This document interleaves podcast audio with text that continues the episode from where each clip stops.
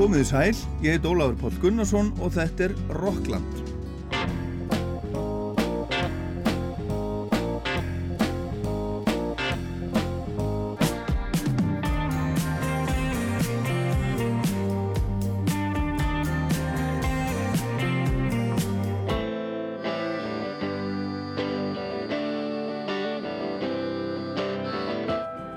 Já, gleðilegt nýtt ár, árið 2021 á bæki og 2022 eins og það leggur sig framundan. Vonandi verður þetta gott ár. Það byrjar í sóttkví hjá mér, ég sitt hérna heima hjá mér í stúdíu Rockland á Akranesi í sóttkví eins og öll fjölskylda mín sumir reyndar með COVID en við hinn í sóttkví eins og reyndar mörg ykkar þarna, þarna úti, það er margir með, með COVID, margir í sótkví og allt það. En það sem ég ætla að gera hér í dag í þessum fyrsta Rocklandsætti árið 2022 er að rifja upp nokkrar plötur eða lög af plötum sem að mér finnst standa upp úr eftir árið og ég ætla að einbita mér að útlöndum, erlendri músík og ég ætla að hafa til hliðsjónar bresku músiktímarittin Mojo og Uncut sem eru svolítið svona mínar ær og kýr, ég hef búin að kaupa þessi blöð í ábyggilega 25 ári hverju meinasta mánuði. Og rekst þar alltaf á eitthvað eitthvað skemmtilegt sem að ég segi eitthvað svo frá í Rocklandi og það er alltaf gaman að sjá árslistana þeirra.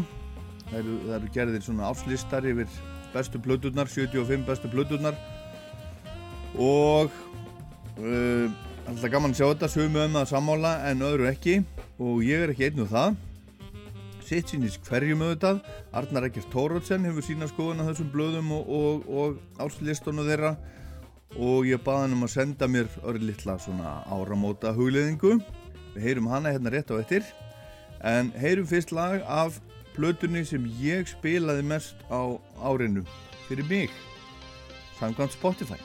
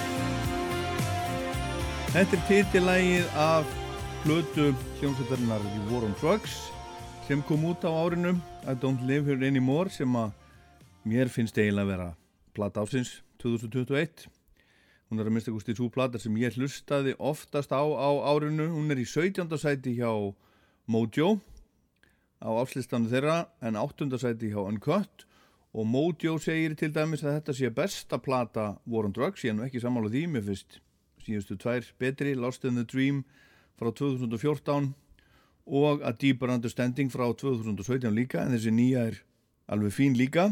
Þetta er hljómsveit frá Philadelphia sem var stopnuð árið 2005 fyrir þá sem ekki þekkja War on Drugs og aðalmaðurinn þarna og uh, svona aðalaga smiðurinn er gítarleikarinn og söngvarinn Adam Grandusiel en við skulum heyra núna hvað Arnar Eggert Tórótsen hefur að segja um þessa áslista, tónlistarbladana, Mojo og Uncut.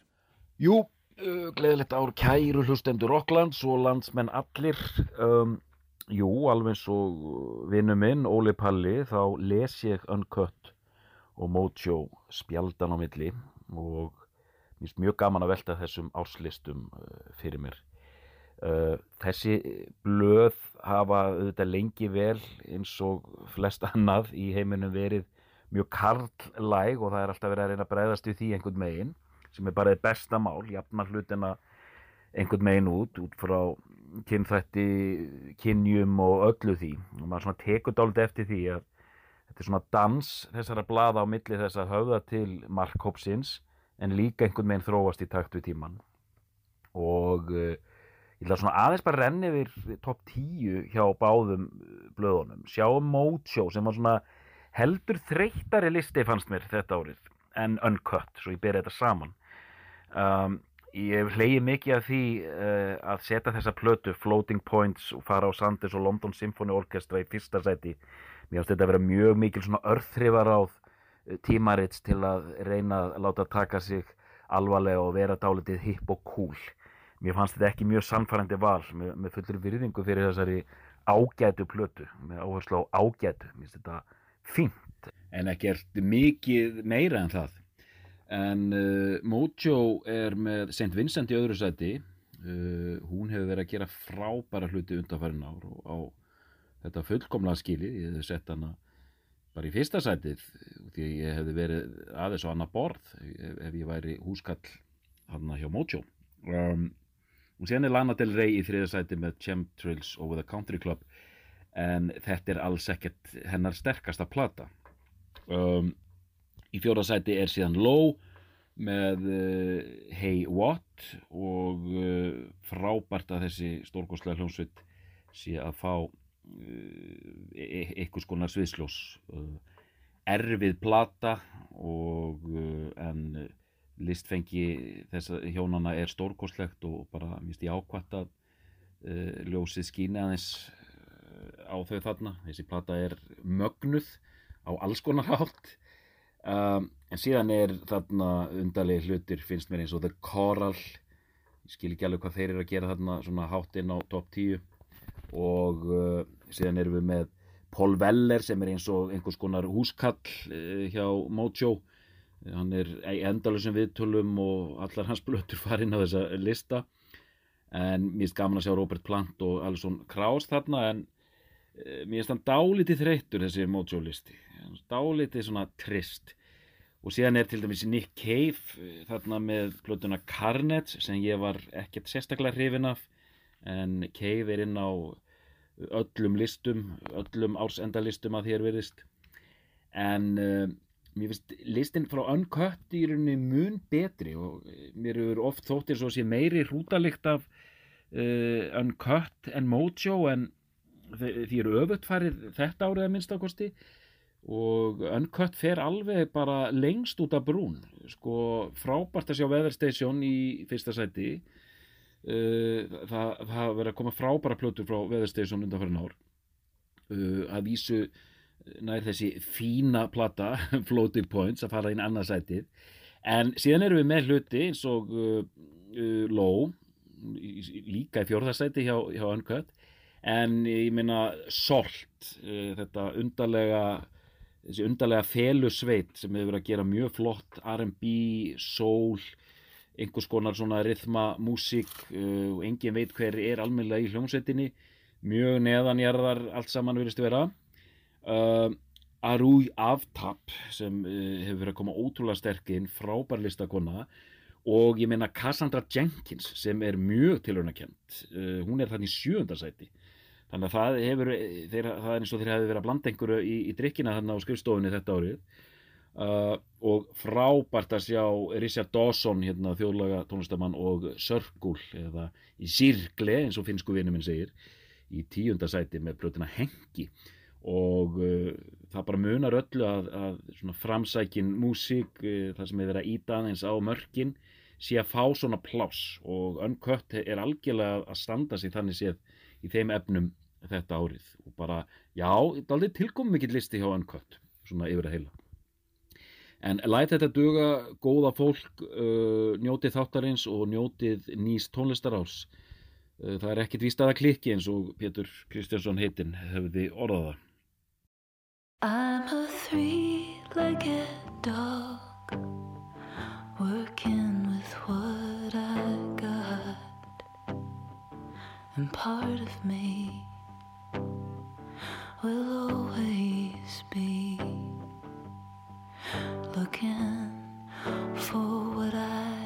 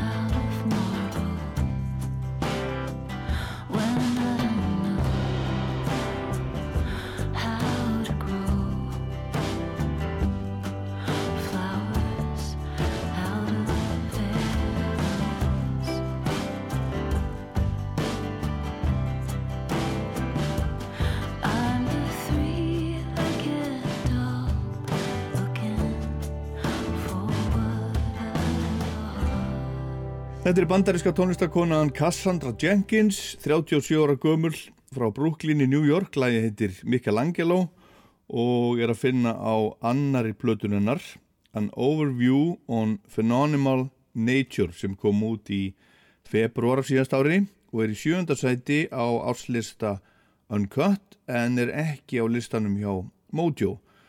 Og þetta er eina af þeim plötum sem Arnar ekkert myndist á hérna áðan og sagðist vera mjög hrifin af eftir síðast ár. Og hann myndist líka á plötu The Weather Station sem ég fjallaði um hérna í Rocklandi þegar hún kom út fyrir á árunu virkilega skemmtilega plata sem að heitir Ignorance. En Weather Station er folkmusik hljómsveit sem er leitt af henni 37 ára gömlu Tamaru Lindemann sem að kemur frá Toronto í Kanada. Og þessi hljómsveit sem að samastendur af fólki sem hún sem hún uh, Tamara hefur sops, safnað í kringu sig. The Weather Station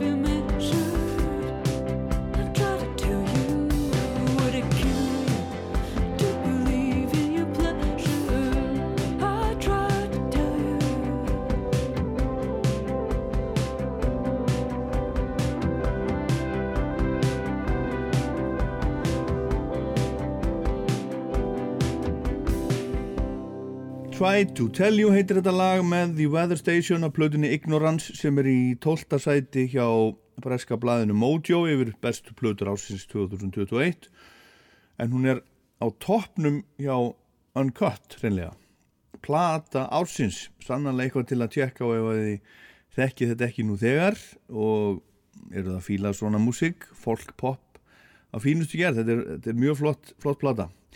Arnar Eggert talaði hérna áðan um að listin hjá Mojo var í aðeins hefðbundnari og karlagari en hjá Uncut og ekki eins cool og þar varu fastagestir eins og Paul Weller til dæmis. En Weller er breyti eins og Mojo búin að vera lengi að og hann hefur fengið talsvert pláss á síðum blaðsins frá upphafi útgáfunar fyrir aldarfjórðungi eða svo en hann hefur líka verið mjög aktífur og gert flottar blöður alltaf að gera uh, nýja og fína músík og platan hans Fat Pop Volume 1 kom út í mæ og fór til dæmis alla leið á toppin á breska vinsaldalistan og Veller er í sjötta sæti hjá Mojo en 27. sæti hjá Uncut og við skulum heyra lag af plötunan sem að heitir Shades of Blue tipping of scales and the balance of time preceded. Clocks and silent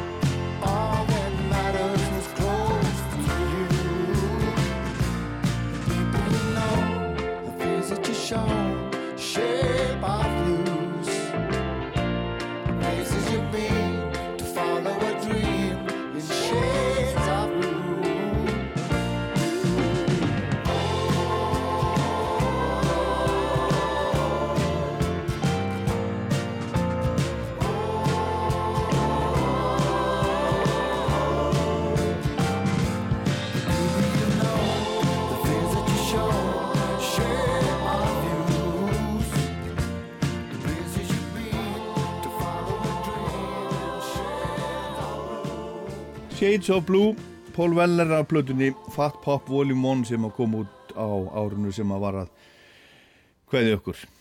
Og Arnar Eggert, hann talaði hérna á um annan fasta gest hjá þessum blöðum, Mojo Uncut, Nick Cave.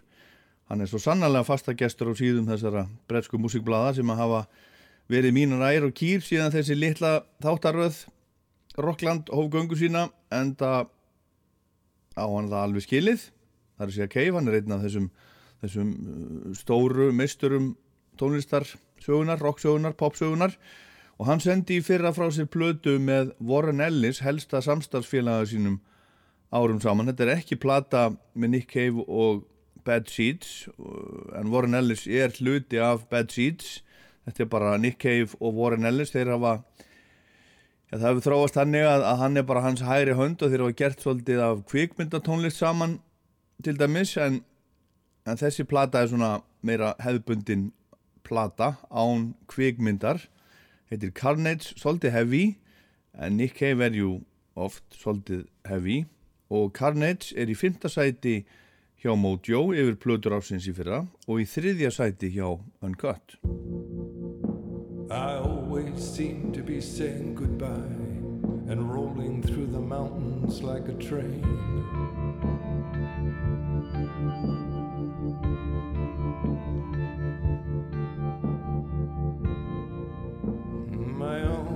At the chopping block, turning chickens into fountains. I'm a barefoot child watching in the rain.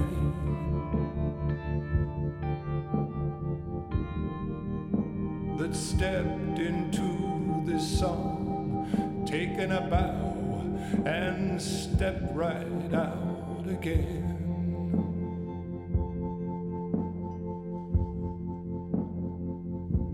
I'm sitting on the balcony reading Flannery O'Connor with a pencil and a plan.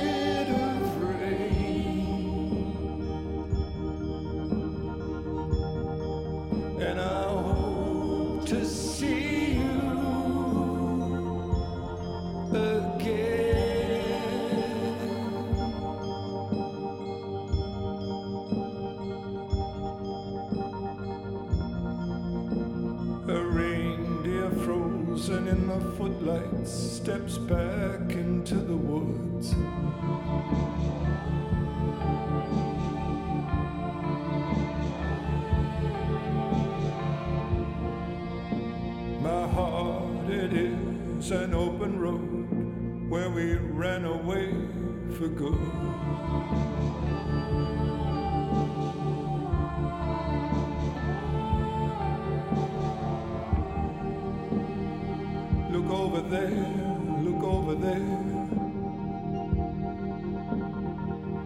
The sun, a barefoot child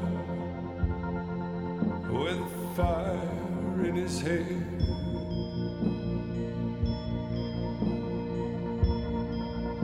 And then a sudden sun explodes. It was you. It was you. And you. And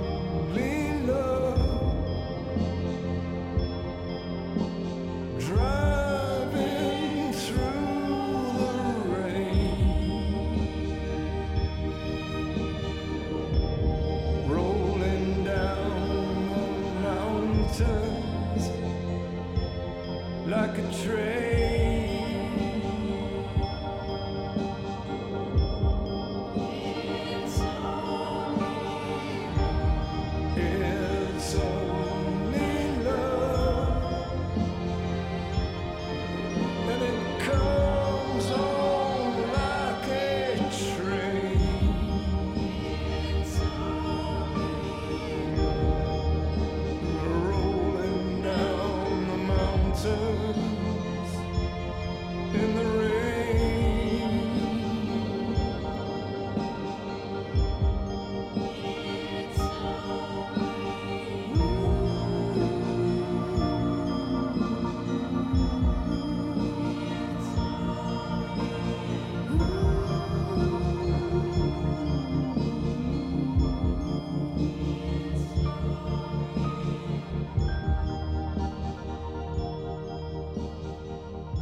Góðvinni Rocklands, Nick Cave og Warren Ellis og titila plötunar Carnage sem hafa komið út í fyrra. Og er eins og ég sagði í þriðarsæti hjá Uncut og fymtarsæti hjá Mojo. Manic Street Preachers frá Wales sendu árunni frá sér plötuna The Ultra Vivid Lament sem að er fínasta plata fyrst mér. Hún er í 16. sæti hjá Mojo en kemst ekki inn á top 75 hjá Uncut og þessi plata er svolítið léttari en margar fyrir plötur sveitarinnar. Þetta er rock, Street Preachers er rockband. En það er ímislegt sem að minnir bara hreinlega á ABBA á þessari plötu.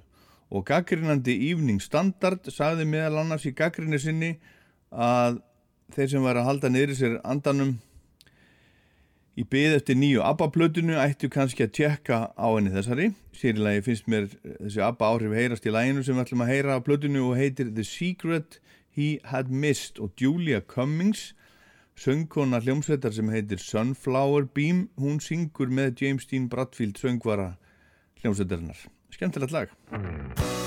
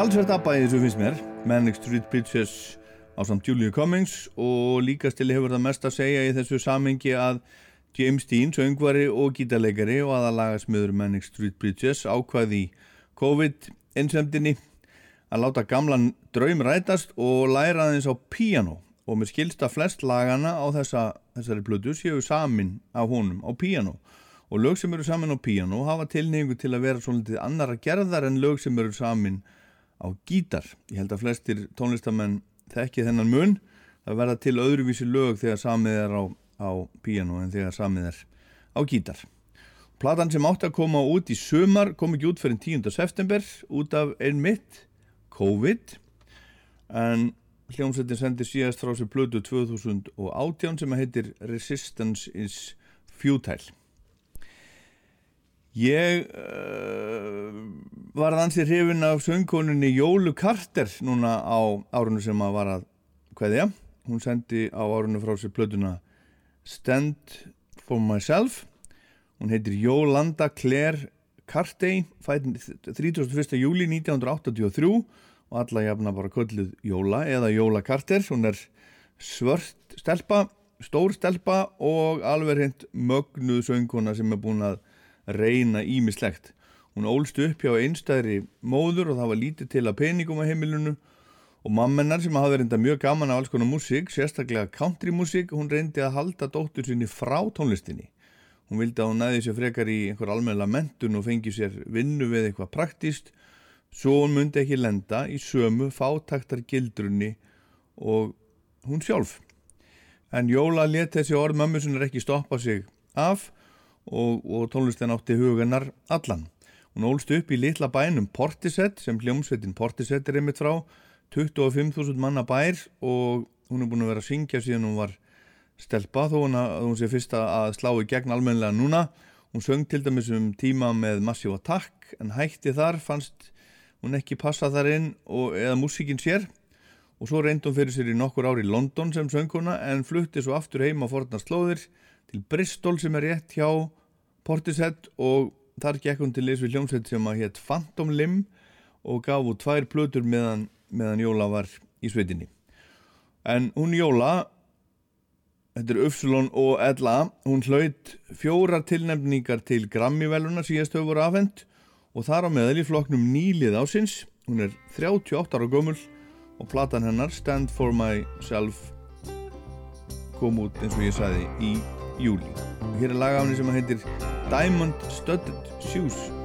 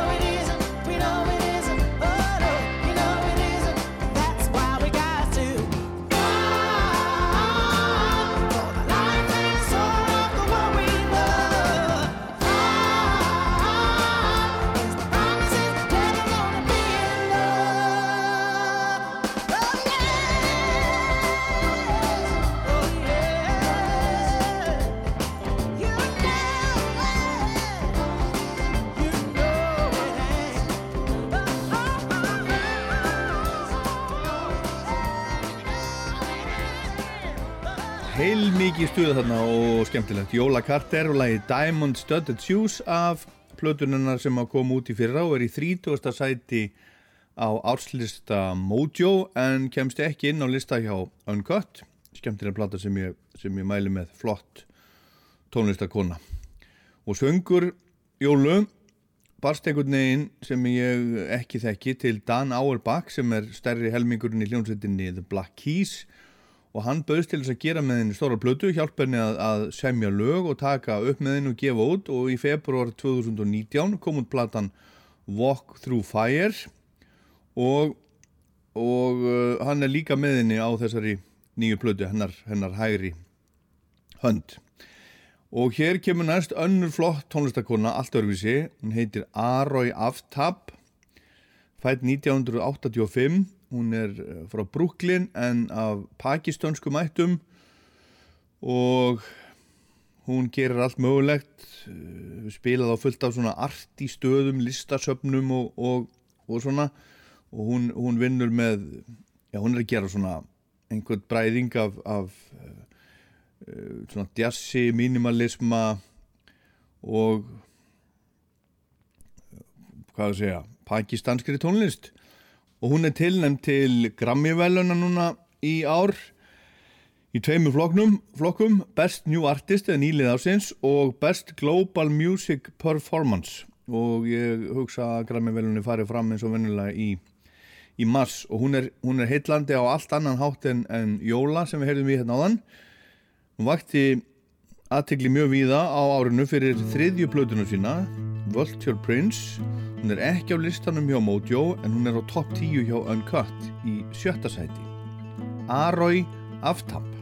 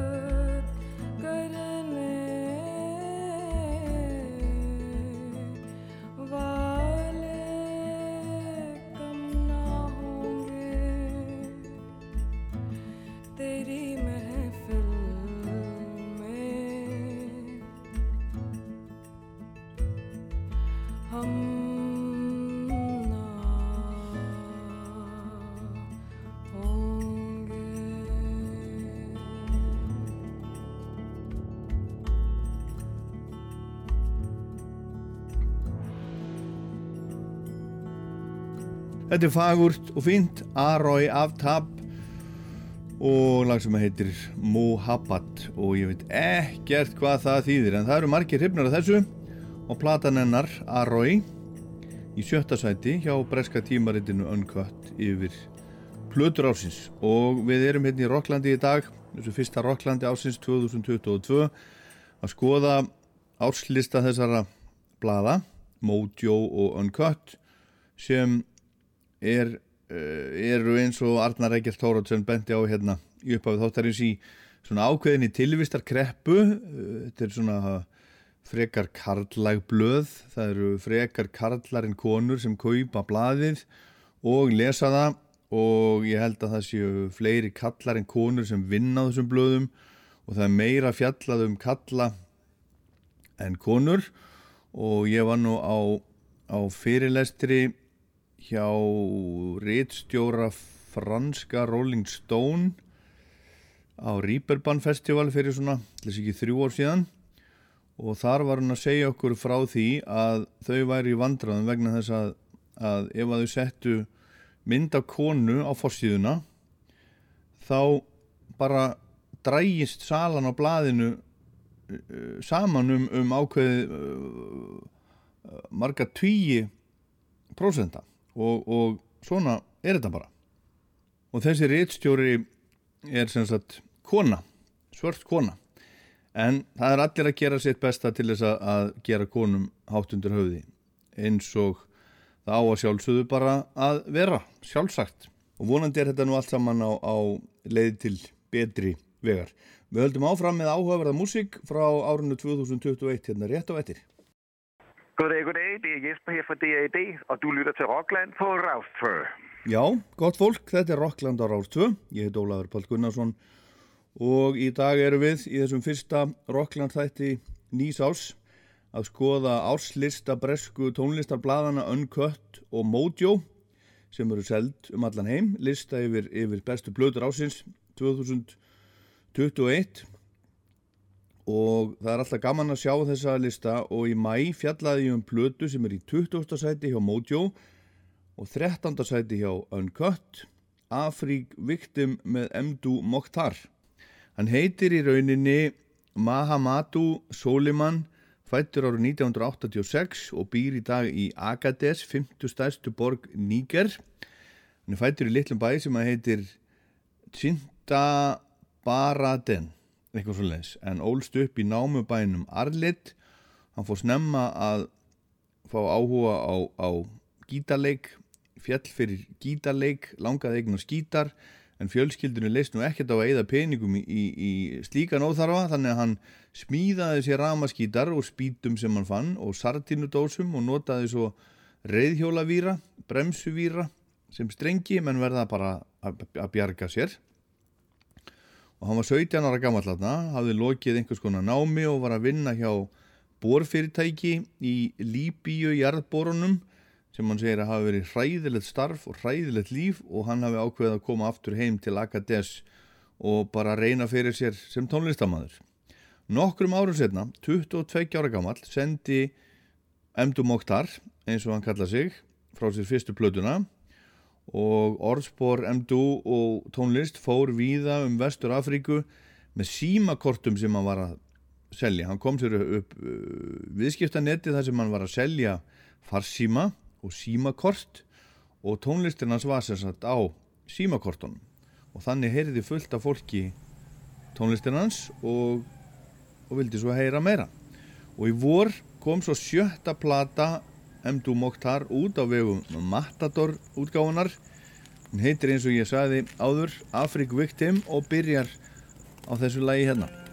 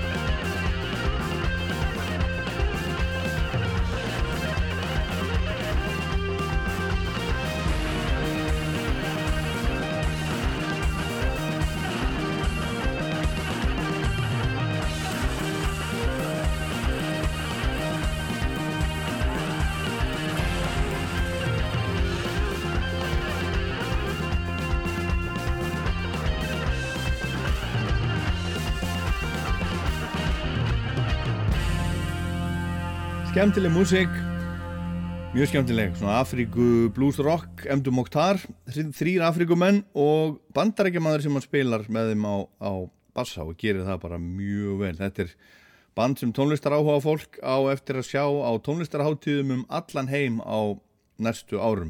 Þetta er alveg svona típis band sem er bókað á, á hróaskjeldu þegar opnast aftur fyrir fyrir slíkt sem vonandi gerist þetta sem allra allra fyrst en nóðum það en þetta er Rockland á Rástvö og við erum að skoða tónlistar árið 2021 mjög óformlega hlusta á lög af plötum sem eru á áslistum tónlistartímaritana Mojo og Uncut sem eru þau blöð sem ég hef mest haft gaman á að lesa og sækja mér efni í fyrir Rockland til dæmis undanfarið 25 ár. Og talandi um um konur, við vorum að tala hérna og spila konur á þann, tónlistarkonur, þá sendi Chrissy Hind úr Pretenders frá sér plödu í fyrra sem er í 40. sæti hjá Mojo, ég fjallaði um þessa plödu og spilaði lögafinni, platan heitir Standing in the Doorway, Chrissy Hind sings Dylan. Og þar syngur hún lög eftir Bob Dylan eins og nafni gefur til kynna. Og við skulum heyra eitt þaðan. Sweetheart Like You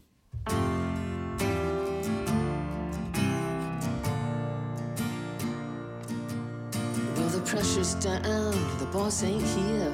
He's gone north for a while. They say vanity got the best of him, but he sure left here in style. By the way, that's a cute hat, and that smile so hard to resist. What's a sweetheart like you doing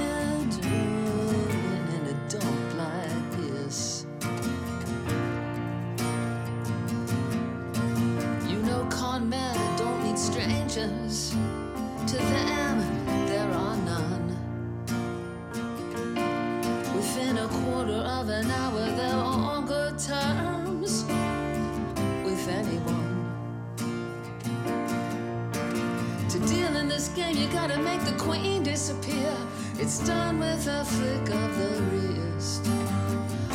What's a sweetheart like you doing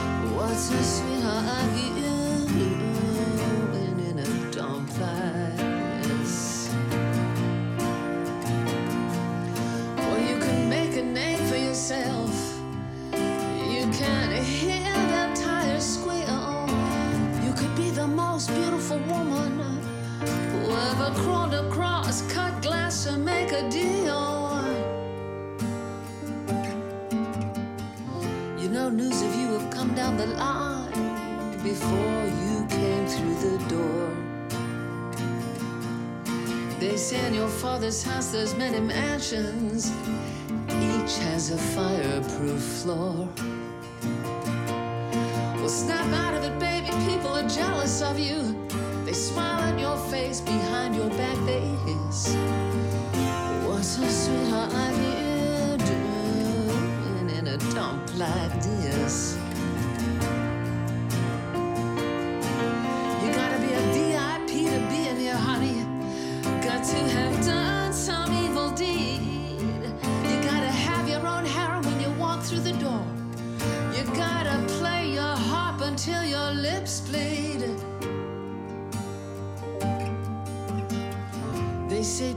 Patriotism is the last refuge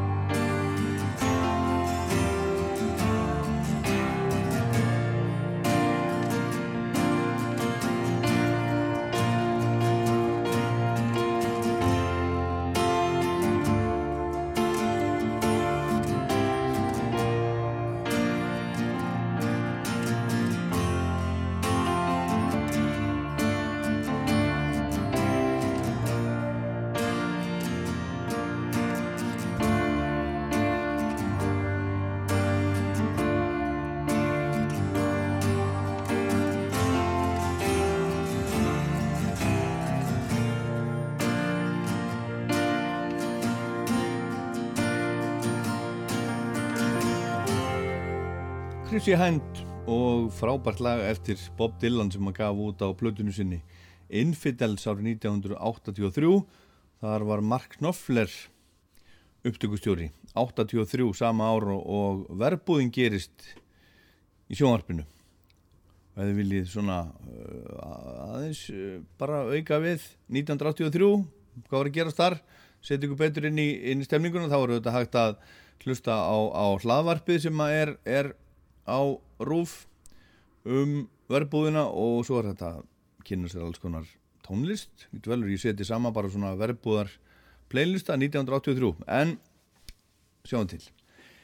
Það sem mér finnst skemmtilegt við þessi bresku tónlistablöð sem við erum að skoða í dag Mojo og Uncut er að það er fjallað um það sem er nýtt og spennandi með ungu fólki en líka það sem er nýtt með eldri hetjum auk þess sem að það fer talsveit púður. Ég rifja upp tónlistasöguna með greinum um gömlu hetjurnar og, og það er mjög vítt spektrum. Sumum músiknördum finnst þetta afskaplega gamaldags og allt það. En þetta hendar mér mjög vel nýtt og gamalt í bland. Það sem það er og, og, og sem hefur, hefur alltaf verið stefna rása 2 ef í það er farið og Robert Plant og Alison Krauss þau voru að senda frá sér plötu á árinu sem að vakti talsverða aðtigli platan náði sjöndasæti vinsaldalistans í bandarækjónum fymtasæti í Breitlandi og þetta er önnur platan þeirra saman platan Racing Sand sló í gegn þegar hún kom út 2000, 2007 og þessi nýja plata er svona eins konar framhald öllum þessum árum síðar og hefur nú ekki vakið ennþá að mista kosti jafn mikla aðtikli og, og súplata, hún var bara á allra allra vörum þegar hún kom út kom út 19. november þessi plata og er í 31. sæti á lista Uncut yfir bestu plöturnar 2021 og 9. sæti á Mojo og þannig eru alls konar lög, það eru svona coverlög eftir einu þessa eftir Calexico og, Everly Brothers Merle Haggard og fleiri og reyndar er eftir þau og þau eru með flott lið með sér upptökustjóri er eins og á gamlum plötunni T-Bone Burnett og hann spilar á sexstrengja bassa og hann útsetur og hann spilar á kassagítara og mellotron og svona. Og, og spilar líka á og syngur líka bakrættir David Hidalgo úr hljómsveitinni Los Lobos hann spilar þarna á, á gítara, ramaskítara og kassagítara. Bill Frisell spilar á, á gítara líka og Buddy Miller hann spilar á ramags mandolín og, og gítar og svo er þetta fullt af öðru fólki. Og lagið sem við ætlum að heyra af plötunni er eftir skorska fólk tónlistamannin Bert Jans sem margir hafa í gegnum tíðin að tala um sem áhrifavald til dæmis á Jimmy Page, Mike Oldfield Paul Simon, Peter Hawks Nick Drake, Donovan Bob Dylan og Neil Young. Lagið heitir It Don't Bother Me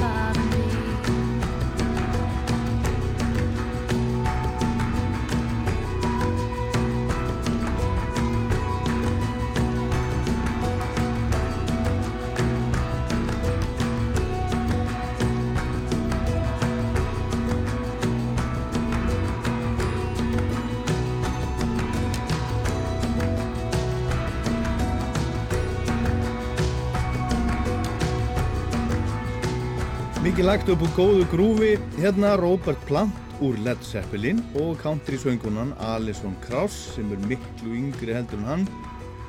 Platan Raise the Roof er í 31. sæti á lista Uncut yfir bestu blöðunar 2021 og 9. sæti hjá Mojo.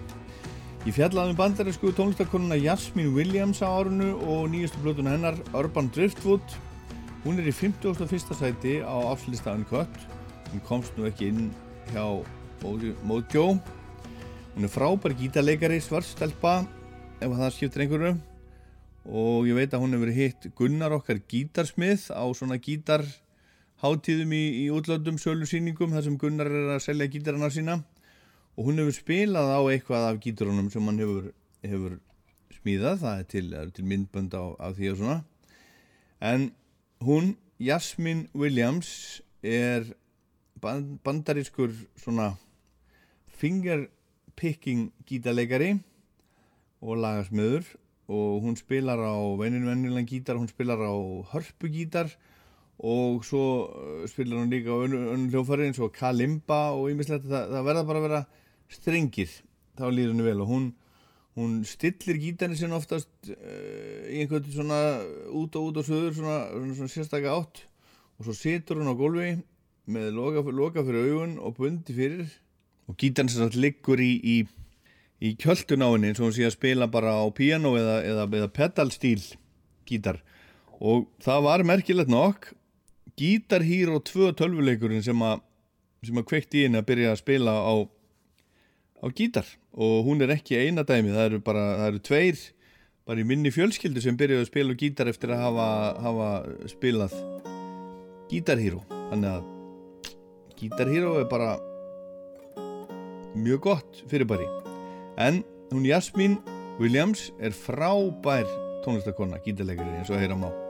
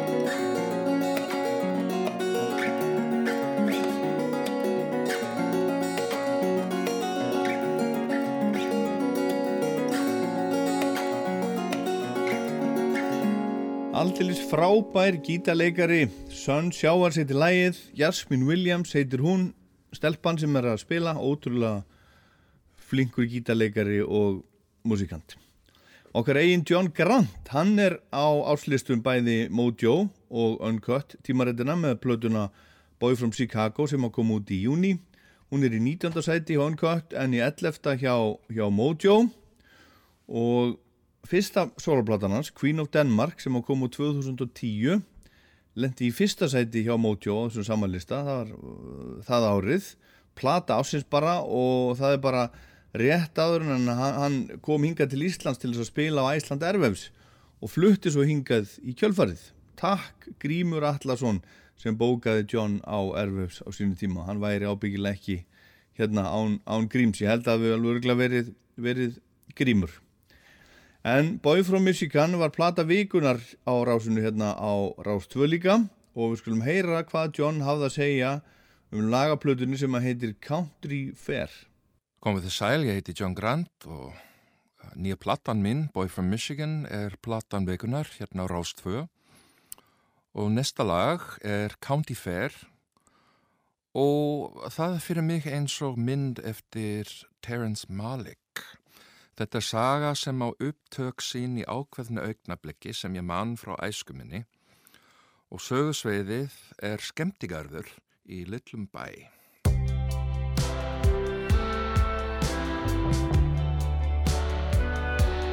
On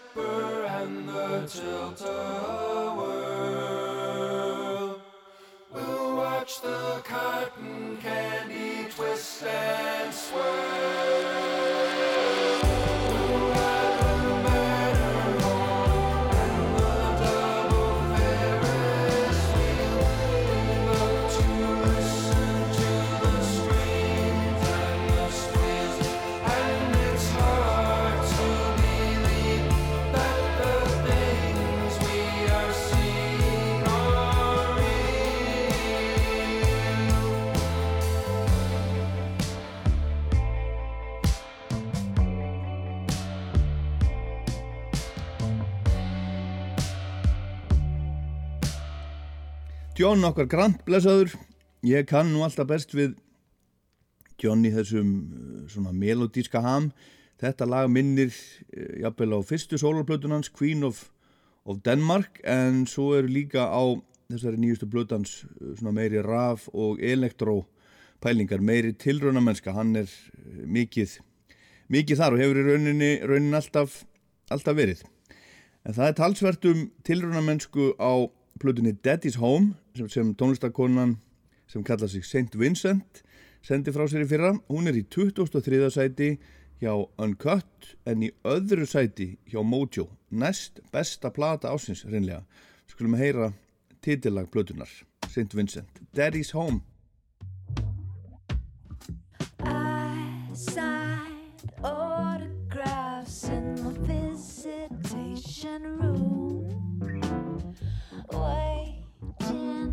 for you the last time inmate 502.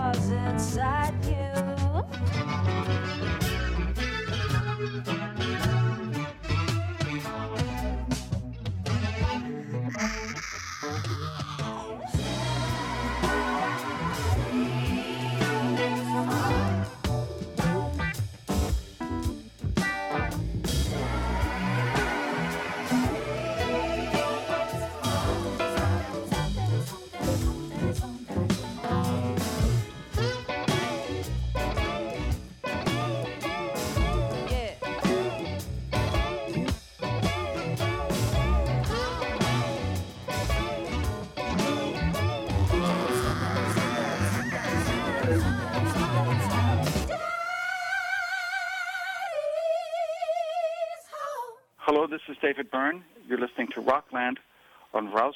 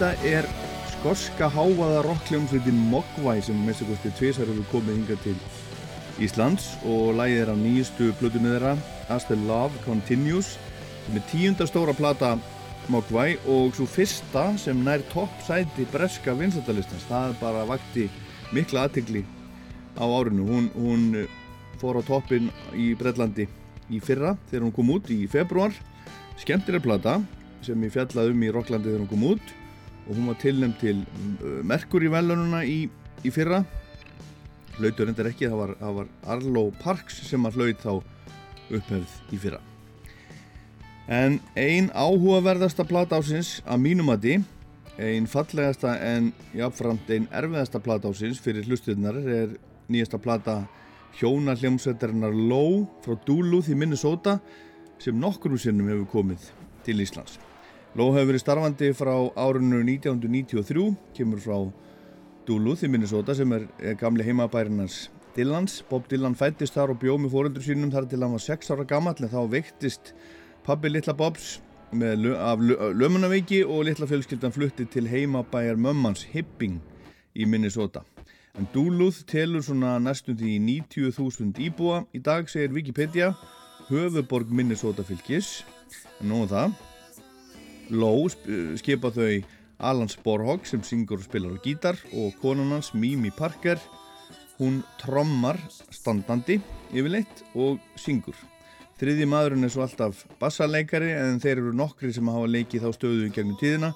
Sá síðasti heitir Steve Garrington og var frá 2008 á alveg þangað til í fyrra.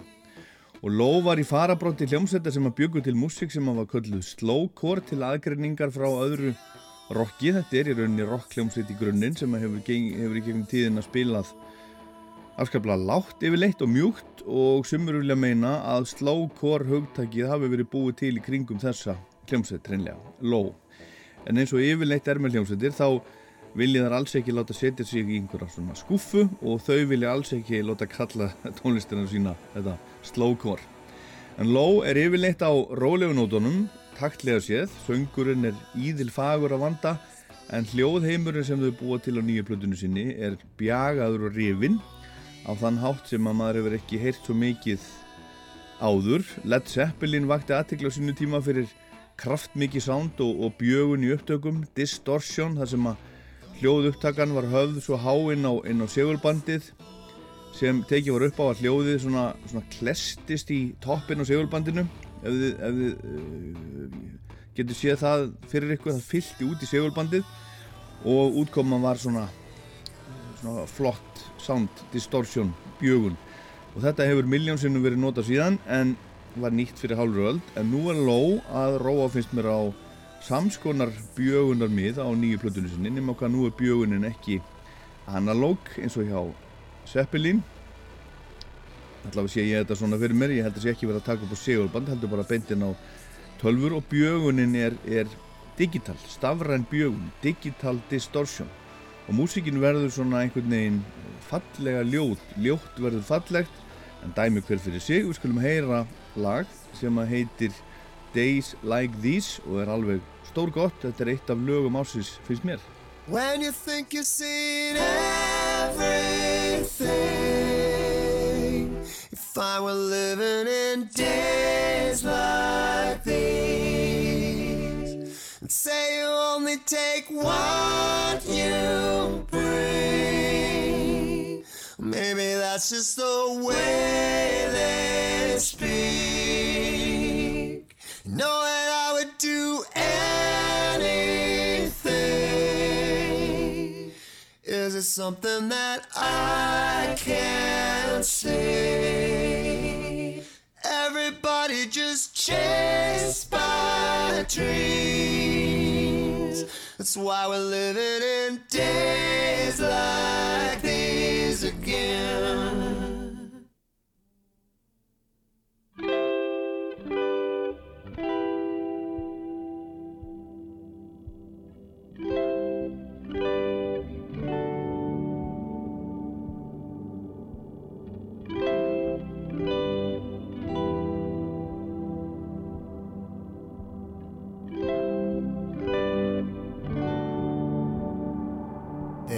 something you can choose between.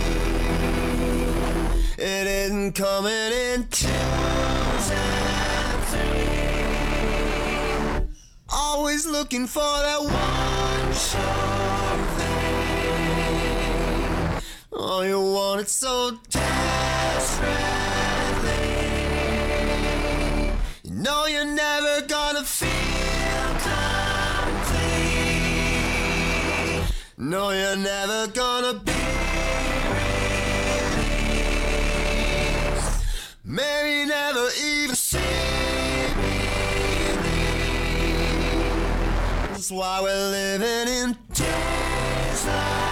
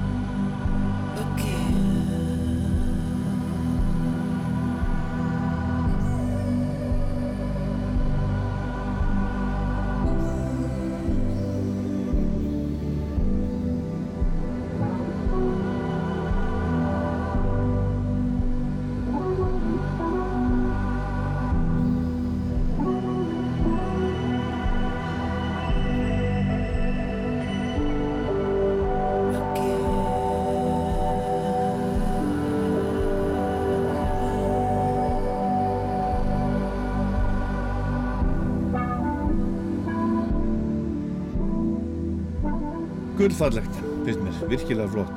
En þetta reynir svolítið á hlustirnar. Þarna mætir fegurðin í vel útfærðum röddunum, ljótri stafrætni bjögurni, þannig að útkomana er bara virkilega heillandi, finnst mér. Ný plata frá Ló, eina plötum ásins, segi ég. En þá er komið að lokum þessa þáttar og ég ætla að enda af lagi að plötunni sem er í öðru sæti hjá Uncut en í fyrsta sæti hjá Mojo. Floating Points, Pharaoh Sanders and the London Symphony Orchestra. Platan heitir Promises.